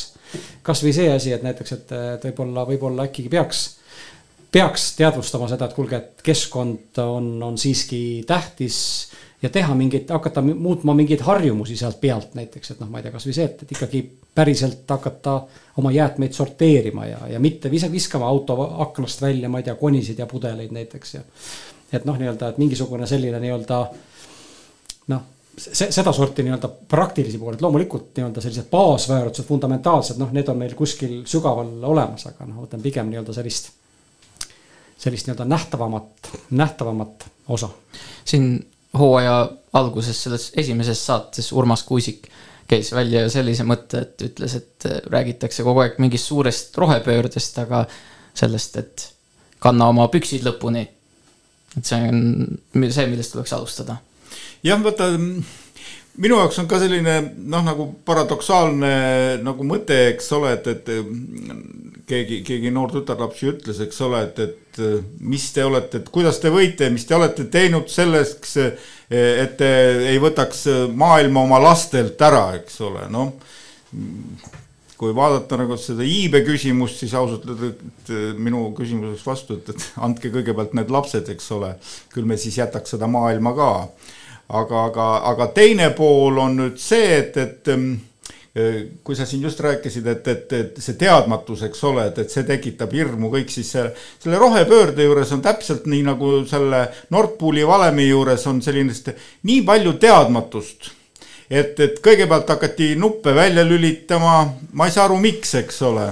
siis eh, püüti noh, Euroopas järsku suured riigid püüdsid Vene gaasiga rohelist pööret teha ausalt öelda minu arvates on gaas ikka kõige puhtam fossiil, eks ole. et, et, et nüüd me kütame oma metsa ka siin ahju ära veel takkaotsa, sellest metsast ikka oleks palju-palju rohkem mõistlikku teha. et, et ehm, sellised teadmatused kohad, vaat need tekitavadki hirmu meis, eks ole, et, et, et ja, ja, ja mis lapsele sa siis jätad, kui seda last ka peaaegu ei ole. aga, aga teine pool on see, et noh, sellised nii meeletud ambitsioonid veel võetud, et minu teada Hendrik Relv alles hiljaaegu ütles ära, et, et teate, et see CO pööramine, see tema jaoks, et inimene on nii palju väeti, see võrdub jõgede pööramise projektiga, midagi ei ole teha, seda me ei suuda. me võiksime tõepoolest, nii nagu sina ütlesid ka, miks see teeme ära järsku nagu läks trendist välja Audis. Tegelikult väide on ju see, et, et maailma meres ujub meeletu hulk kõik võimalikku toorainet, plastikut, mida näiteks minu teada vist Ragnar Sels ostab Soomest meeletult kalli raha eest, et irustada ahju ajada. sealt tulevad kogu see kvoodi ja, ja kõik, mis see vahetuse ja, ja nende keskkonna kaitsmise vahendid, rahad liiguvad edasi-tagasi ja, ja, ja minu väikese inimese jaoks on see tõepoolest selline müstiline lugu. esiteks ma ei mõista lõpuni välja, miks need rahad niimoodi peavad liikuma, miks sellest midagi ei saa ja miks see prügi ikkagi seal ookeanis edasi on, kui see tegelikult on meeletu ressurss mida ei olegi nii keeruline kätte saada siin Eesti näitel, eks ole. et, et meil oleks selliseid lihtsamaid, praktilisemaid asju teha, aga me hakkame ikka kohe jah, ma ei taha seda vana, vana ette võtta, et, et, et pandi kohe mingi idealistlik tohutu uue ühiskonna ehitamine ülesse. No see ei tööta, praktilisem võiks olla, aga, aga, aga minu jaoks see kõige suurem küsimus on ikkagi see, kuidas sakslane, teadlane sai, sai nii targalt välja mõtelda, et Vene gaas on kõige rohelisem, et no võta või jäta. see teadlase nimi oli Schröder. jah, noh, vot ongi, eks ole, et, et ei muideks ma olen nagu sakslastega veidikene isegi rääkinud ja nad kaitsesid seda ikka väga tõsiselt ja ütlesid, et, et see on tõepoolest ainuõige, aga nüüd, kui meil sõda südames, siis, siis äh, alles nüüd siis nagu hakkab, hakkab nagu mõte kohale jõudma, eks ole, et ja, ja, ja ja me ei ole veel kunagi rääkinud sõja CO sisaldusest väärtusest rääkides, siis väärtused on muutuvad ajas ja olustikus. et äh, kui noh, sõjast oli juttu, siis äh, sõjaolukorras me ei hakka väärtustama seda, et äh, palju mul varandust on, vaid see, et mul oleks turvaline olla, mul oleks süüa ja elementaarsed asjad olemas. et need väärtused muutuvad hetkega. ja noh, ütleme niimoodi, et ega see rohepööre kui selline ei ole halb mõte, jah, ta on slogan, ta on jällegi pandud sellise noh, mina ütleks, et poliitilise vankri ette, sest tegelikult sellest on aastaid räägitud ja üritatud mingeid lahendusi leida. aga kui me üritame energiat toota roheliselt, loodussäästlikult, aga sama, samal ajal tarbime samamoodi edasi. sest noh, olgem ausad, et kui me tahame mingit, ma ei tea, vesinikku näiteks, siis me ei saa seda kasutada bensiini ja diiselmootoritega autodel et noh, see on juba see muutus. et äh, noh, me ei saa vanaviisi elada. aga noh, seal on ka, eks seda noh, üritatakse kiiresti lahendada, sest seda kliima neid konverentse on iga aasta toimunud, alati on mingid suured üleskutsed, kuidas me hakkame maailma muutma. aga samamoodi on sama see pükste teema, ma sattusin vaatama ühte dokfilmi, et äh, kuhu need vanad riided lähevad need viiakse Aafrikasse, arengumaadesse, nemad seal siis istuvad nende riidehunnikute otsa, sest sinna on odavam viia kui see, et sa ise hakkad siin Euroopas seda ümber töötlema. et noh, see näitabki. ja, ja siit juurde veel noh, väärtuse puhul ka see, et äh, läänes, et äh, noh, Somaalia piraatidest oled kuulnud. miks need inimesed hakkasid piraatideks, oli see, et võib öelda, et siis Euroopa või lääneriikide nii-öelda ettevõtted saastasid nende rannikuveed ära, neil ei olnud enam toitu ja nad hakkasid niimoodi endale neid elatisvõimalusi otsima. ehk siis tegelikult noh, mis seal väärtus on, eks ju, et on seesama, mina tooks välja ikkagi kasumiahnus, mis siis toob selle üle, et, et aga muu polegi oluline, et, et noh, mis need Aafrika inimesed, ega nemad elavad oma elu, me teeme ära, pakume võib-olla neile odavalt raha selle eest, et me saame oma prügi ladestada sinna, sest see prügi on tegelikult probleem. ja needsamadki plast, plastpudelid, terved suured saared, võib-olla Eesti territooriumiga võrreldes seal suuremad kui Saaremaa või või Hiiumaa või isegi Mandri-Eesti äkki annab välja seal. vaatan meil, meil siin äh, Põltsamaa raadios on ka omad väärtused ja üks nendest on see, et me väärtustame kuulajat ja me ei taha ühtegi kuulajat päris surnuks rääkida, nii et teeme siia vahele veel ühe väikese pausi ja siis asume meie saate viimase tüki kallale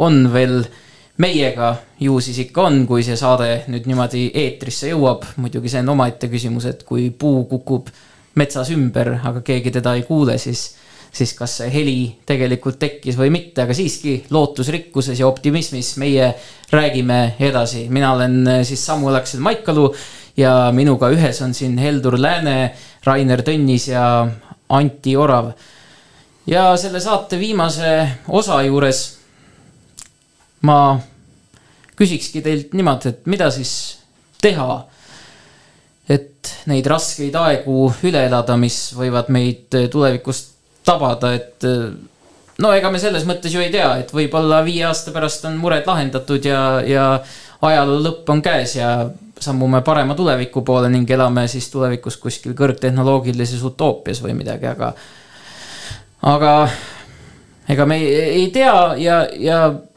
tumedad pilved on ikkagi kuskil silmapiiril selles mõttes.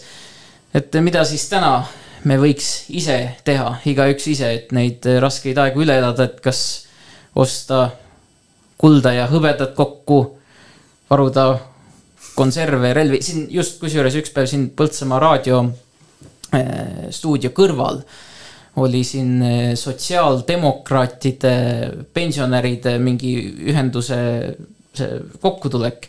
ja siis ma seal ühe mehega puhusin natukene juttu ja siis eh, tema ütles, et nad arutasid, et mis peaks olema nende valimiste teema, mis, mis nüüd tulevad. ja siis tema ütleski seda, et peaks inimesi rohkem ette valmistama kriisideks. et eh, selline julgeoleku küsimus ja ütles, et näed, et minu pere on küll valmis, aga tundub, et enamus perekondi pigem ei ole valmis.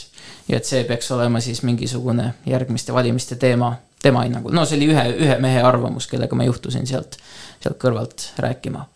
aga mida me siis tegema peaks, kas valmistuma kuidagi ette või millised mõtted teil on?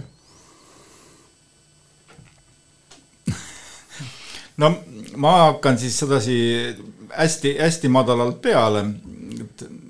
alguses ma vihjasin sellele, et, et, et ma olen nüüd nagu, nagu teise, teise sellisesse elustiili läinud ja, ja ja see on see suhteliselt universaalne ka nendesama kriiside juures, sest noh, ausalt öelda tegelikult mingi kriis on meil kogu aeg mingis valdkonnas või, või, või, või mingis maailmavaates ja, ja me kogu aeg lapime, sest tegelikult noh, minu arvates nagu see elu ei ole mingisugune selline füüsiline kolmemõõtmeline lugu, millel selja taga on nagu minevik ja, ja nina ees on suur tulevik, et, et ma pigem äh, kujutan seda asja ette antud ajahetkes sellise rulliva liikumisega ja, ja, ja ei jäägi, ei jää kivi kivi peale ja, ja tegelikult ei ole seda tulevikku olemas ja, ja minevik on läbi või tähendab, olevik on läbi, siis selle minevikku võid siin jah, meenutada, aga, aga ega seda ka pole ju enam olemas, eks ole, et, et et see on see hetkesolek ja mm, siis on nii vahva sellise vana ja, ja ütleme, pensionist elava inimese moto, et, et tegelikult kõik, mis on võimalik edasi lükata, need asjad lükka edasi. tee ainult need pakili-, pakilised ja vajalikud asjad ära, mida sa siis pead seal silmas ja ja püüa teistel mitte väga jalus olla, vaid pigem püüa sellest, et sul midagi ei ole, püüa neid toetada, püüa neile midagi anda vaata, see on üks huvitav paradoks, et, et, et kui sul midagi ei ole, siis üllataval kombel sul on kellelgi alati midagi anda. Seda võib igaüks kohe järgi proovida, kes on selline paadunud materjalist, eks ole, ütleb, mul pole mitte midagi. võta natuke teistmoodi hoiak ja püüa seda praktiliselt teha.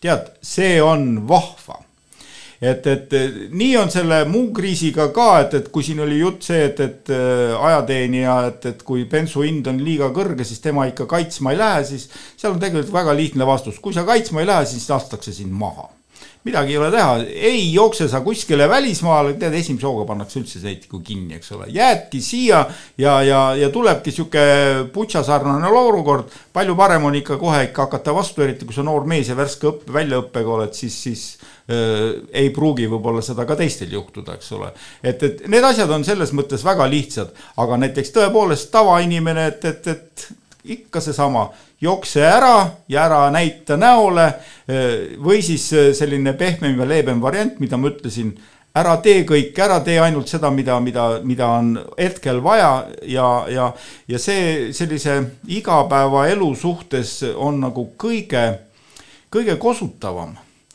siis on sul pilk selge kui sul on mingid meeletud plaanid ja, ja kulla ostmine ja, ja nii edasi, eks ole, siis noh mul, mul on selles mõttes nagu päris selline praktiline küll soovitus, mitte kogemus, aga noh, Vene ajast läbi tulnud, siis ega meil seal ei olnud siis ka midagi, aga minu onu, kes oli Eesti esimesel ajal enne sõda oli noh, ka kehvast perest pärit ja, ja, ja läks sõjaväkke ja jäi üleajateenijaks, sest see oli hea koht ja, ja siis ta juhtus noh, nii nagu see aeg oli, eks ole, juhtus Saksa sõjaväkke, pääses Vene omast ära, ta sinna, sinna Venemaa poole ei läinud, aga, aga aga, aga sai Saksa sõjaväkke, käis Tšehhi põrgu ka veel läbi ja, ja, ja jutus, juhtus kokku ameeriklastega peale seda.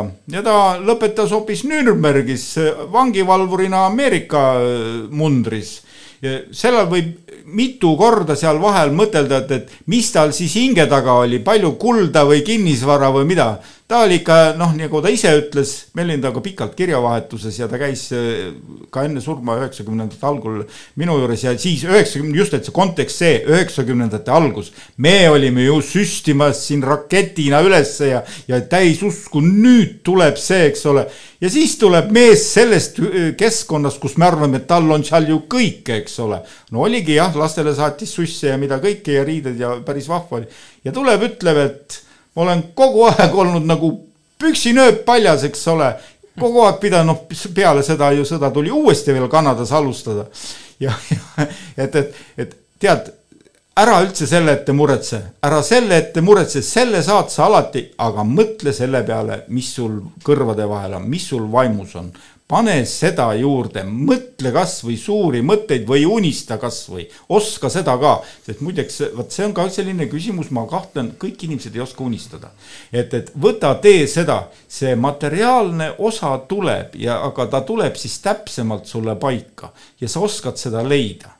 Et, et nii nagu selle kriisiga nüüd ka, jah, see on need sellised ühe kuu suured elektriarved või nii nagu siin detsembris virutas ja kõik noh, ehmatavad ära jah, eks ole, ja see ongi hea, ta ehmatab selles mõttes ära, et sa vaat-, hakkad aru saama, et maailmas on midagi lahti, järelikult sa pead ise olema rohkem sise, sisemiselt koondunud. ja, ja ikkagi me oleme selts-, sotsiaalsed olendid, järgmine on kohe ära nori naisega või ütle talle halvasti sõbraga, käitu niimoodi isegi kui tema esime-, iga kord ei käitu nii, nagu sina tahaksid, käitu sina temaga vähemalt niimoodi, nagu sa tahaksid. ja, ja need asjad, asjad on siis püsivamad ja paremad. et, et äh, ma siin ju ennist ütlesin ka, et inimene on inimesele kohtunik, jätame selle mentaliteedi.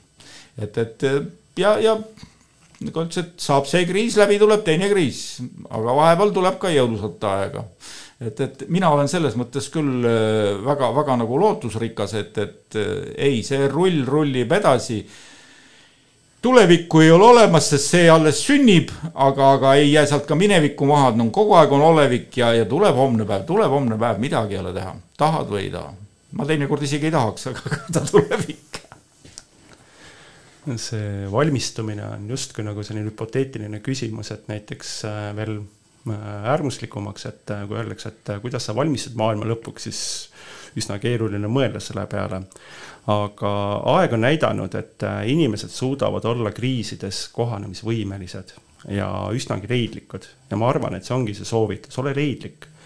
et kui sa ei suuda nii-öelda kütuse eest maksta, siis sõida rohkem rattaga või käi jala, kui on võimalik, kuigi jah, see on jällegi selline äh, naljakas soovitus, et kui linnas elad, pole küsimus, maal inimesele kõlab see rohkem kui mõnitusena, et sest temal on võib-olla auto on see eluks vajalik, et saada poodi, tööle, kooli, kuhu iganes.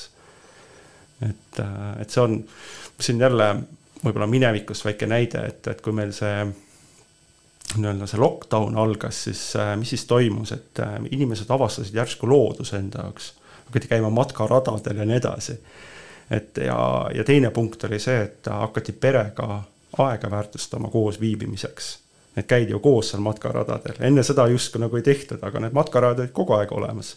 aga siis just avastati, et oo oh,, see on ka võimalik, saab vabas looduses olla, see on tasuta, see on võib-olla natuke piirangute vaba nii et äh, inimesed suudavad need äh, kriisid üle elada ja, ja noh, teine asi on ka muidugi see, et mis oleks pidanud võib-olla alguses olema, et äh, kuidas me seda kriisi defineerime, et hetkel võiks öelda, et meil on hinnanguliselt lausa mitu kriisi tulekul, et on energiakriis, siis ennustatakse ka toiduainete kriisi ja, ja võib-olla veel seal midagi, et on ka püsiv sõjaoht niinimetatud, et noh, et kas me suudame nende jaoks kõigeks valmis olla, ilmselt mitte, et me küll võime mingid plaanid teha et võib-olla siin äh, võib-olla natukene võib-olla kohatu, aga Ukraina sõja näitel oli ka, et äh, ukrainlased teadsid, et sõda tuleb. aga nad ei uskunud seda ja sõda tuligi, see oli šokk. Nad kohanesid ja on hakkama saanud. ja noh, võib-olla meie ei kujutagi ette seda reaalset olukorda, aga ma arvan, et me saame ka hakkama. et algus on niimoodi, sa kohaned, inimene on lihtsalt, see on noh ma ei tea, kas see nüüd on evolutsiooniteooria osa, aga, aga see on aidanud inimesel nagu ellu jääda. ja see on aidanud ka Eesti rahval ellu jääda inimene kohaneb kahtlemata hästi ja ta on selles osas väga võimekas, aga tuleb ka tähelepanu juhtida sellele, et paremini ettevalmistunud inimene kohaneb tõenäoliselt kiiremini. olen nõus sinuga no kui me juba korraks sõda, siis ainult repliik vahele, et, et tegelikult eelmisest sõjast Põltsamaa kesklinna nagu öeldakse, pihta saamised ei ole siiamaani tegelikult taastunud, aga, aga me oleme kogu sel ajal olnud päris rõõmsalt ja just rääkisime, et alles olid siin kuldsed ajad, eks ole. Anti, kuidas sina siis äh, ja. valmistud viimse päevaks ja kuidas? jah, et ma võib-olla, võib-olla lähenen sellele teemale ikkagi hoopis teistmoodi. Äh, ehk siis, et, et me räägime siin nagu siis kriisist kogu aeg ja, ja ma arvan, et ka kõik need kuulajad, need tuhanded ja tuhanded, kes meil raadiot taga praegu on Äh, võivad küsidagi, et noh, mis, mis, mis kriis, mis kriisist te siis nagu räägite või noh, kriis võib olla ju lihtsamat laadi, väike selline ebamugavus, ajutine, lühiajaline, võib olla ka väga sugav. On ta siis pandeemia või, või siis mingisugune sõjaline konflikt, eks ju, siis, siis, siis mul, mul on pigem ikkagi selline optimistlik hoiak ja, ja ma ei pea väga tõenäoliseks seda, et, et, et meie piirkonnas hakkab lähiajal toimuma mingisugune sõjaline konflikt ja seda ma pean tegelikult väga-väga vähe tõenäoliseks, arvestades seda, kus me praegu oleme, mis praegu toimub. nii et, et, et selleks eraldi ma arvan, et ei ole mõtet eriti valmistuda. Mis, mis äh, kindlasti on täna juba nii-öelda olemas, mida võib ka kriisina nagu siis võib-olla sõnastada või, või väljendada, on siis selline teatud toimetuleku nii-öelda selline probleem, mille siis väljenduseks on äh, tõusvad hinnad Äh, Eestis oli ju inflatsioonikordaja siin kakskümmend protsenti, euroala kõige kõrgem teises kvartalis. Loomulikult oli ka baas eelmisel aastal väga madal ja nii edasi, nii et, et, et, et, et ei ole suuremat valet kui statistika ja, ja, ja kahjuks statistikat, statistilisi numbreid esitatakse inimestele, kellel tegelikult puudub haridus seda statistikat äh, mõtestada, ehk siis, et mina olen ülikoolis õppinud statistikat ja ma tean, et see on väga-väga keeruline üldse sellest aru saada, rääkimata siis, et statistilisi numbreid võib ju kasutada ükskõik millise oma, ma ei tea, tõekspidamise või sõnumi äh, tõestamiseks ja nii edasi, nii et. aga see on fakt, et hinnad on tõusnud, elektrihinnad on tõusnud, gaasihinnad on tõusnud, kütusehinnad on tõusnud. Äh, sealt edasi tulevad ka nii-öelda toiduhinnad, kuna seal on seotud transpordiga, kütustega. palgad tõusevad ja nii edasi. aga, aga samal ajal tõusevad ja on tõusnud ka meie inimeste sissetulekud, palgad, äh, euroala kõige kõrgemad palgatõusud ja nii edasi. Äh, Eestis sel aastal palgatõus on üle kümne protsendi keskmisena. Äh, võib selle üle muidugi arutada, et kas sa tead kedagi, kellel tõusis kümme protsenti, eks ju, tavaliselt ei teata aga, aga statistika väidab, et, et tõusis samal ajal, kui me räägime näiteks Soomest, siis palgatõusud jäävad sinna kahe protsendi mhm. kanti, vaatamata sellele, et ka seal on inflatsioon täna kõrgem ja nii edasi. nii et selles mõttes hinnatõus ja ka, ka sissetulekud ja heaolu kasv tegelikult käivad käsikäes, nii et. et ma arvan, et ka siin nii-öelda nagu väga tõsisest sellisest kriisist, mille tulemusena siis tõesti väga suur hulk inimesi nagu ei saa üldse hakkama. Mm, ma arvan, et ka see ei ole liiga tõenäoline, aga jah, meid ootavad ees teatud raskused äh, oma arvete maksmisel, aga selleks kõige parem äh, valmistumise viis on ikkagi see, et vaadata oma kulutused üle juba täna. koguda endale reserve, vana hea Eesti tarkus, et ikkagi enne talve kogu reserve. tee seened purki ja kurgid purki, varu kartuleid ja, ja kogu ka natukene raha äh, lisaks siis sellele, et vaadata ka üle, et kuule, et kas, kuidas mu maja soojustus on või kas mul on vaja nii suurt elamisruumi, nagu mul tegelikult on ja nii edasi, nii et ma arvan, et seal on päris palju asju teha. ja, ja samas ma usun ikkagi selles mõttes sellesse, et vaatamata kõigele, et äh, Eesti inimene on tark, isegi äh, vaatamata kõigele on Eesti inimene piisavalt tark, ta tuleb toime ja teine asi, raskustes inimesed ka hoiavad kokku, toetavad teineteist nii-öelda ka selles mõttes väiksemate perekondadena, kogukondadena omavalitsuste ja riigi tasemel, nii et selles mõttes ma ei, ei, ei, ei usu, et meil inimesed selles mõttes jäävad üksinda kusagile hätta. ja siin Elduri seda ettepanekut veelgi võimendades, et, et ja, ja, ja, ja need, kellel mitte midagi ei ole, minge ja toetage teisi. siis hakkab parem nii et see oleks soovitus siis neile, kellel tõesti mitte midagi ei ole. aga neid tõenäoliselt on ikkagi vähe, ma loodan. jah, eks neid kriise on siis kahte tüüpi, et ühed on sellised, mis on võimalik üle elada.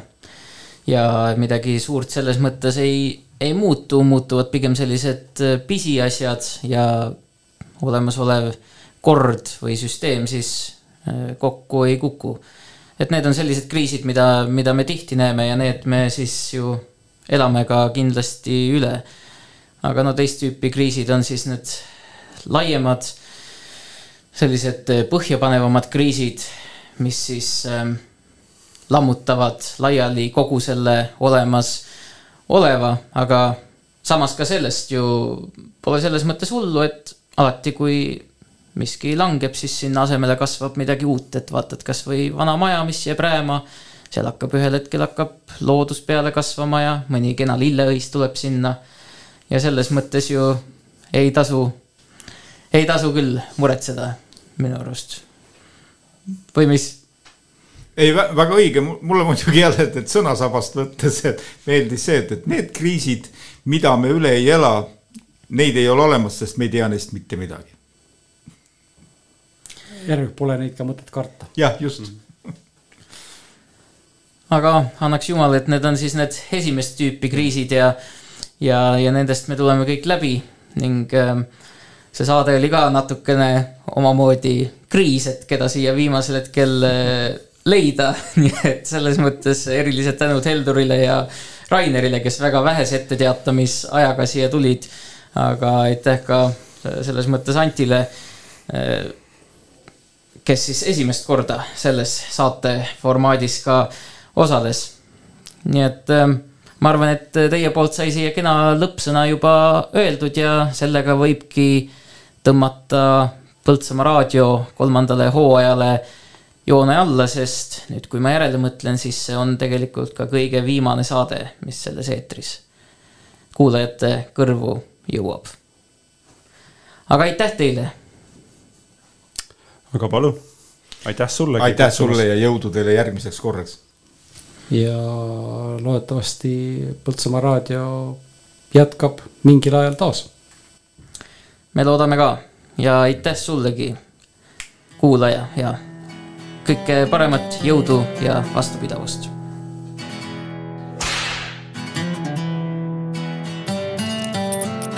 Vaeva pead ja pruugi suud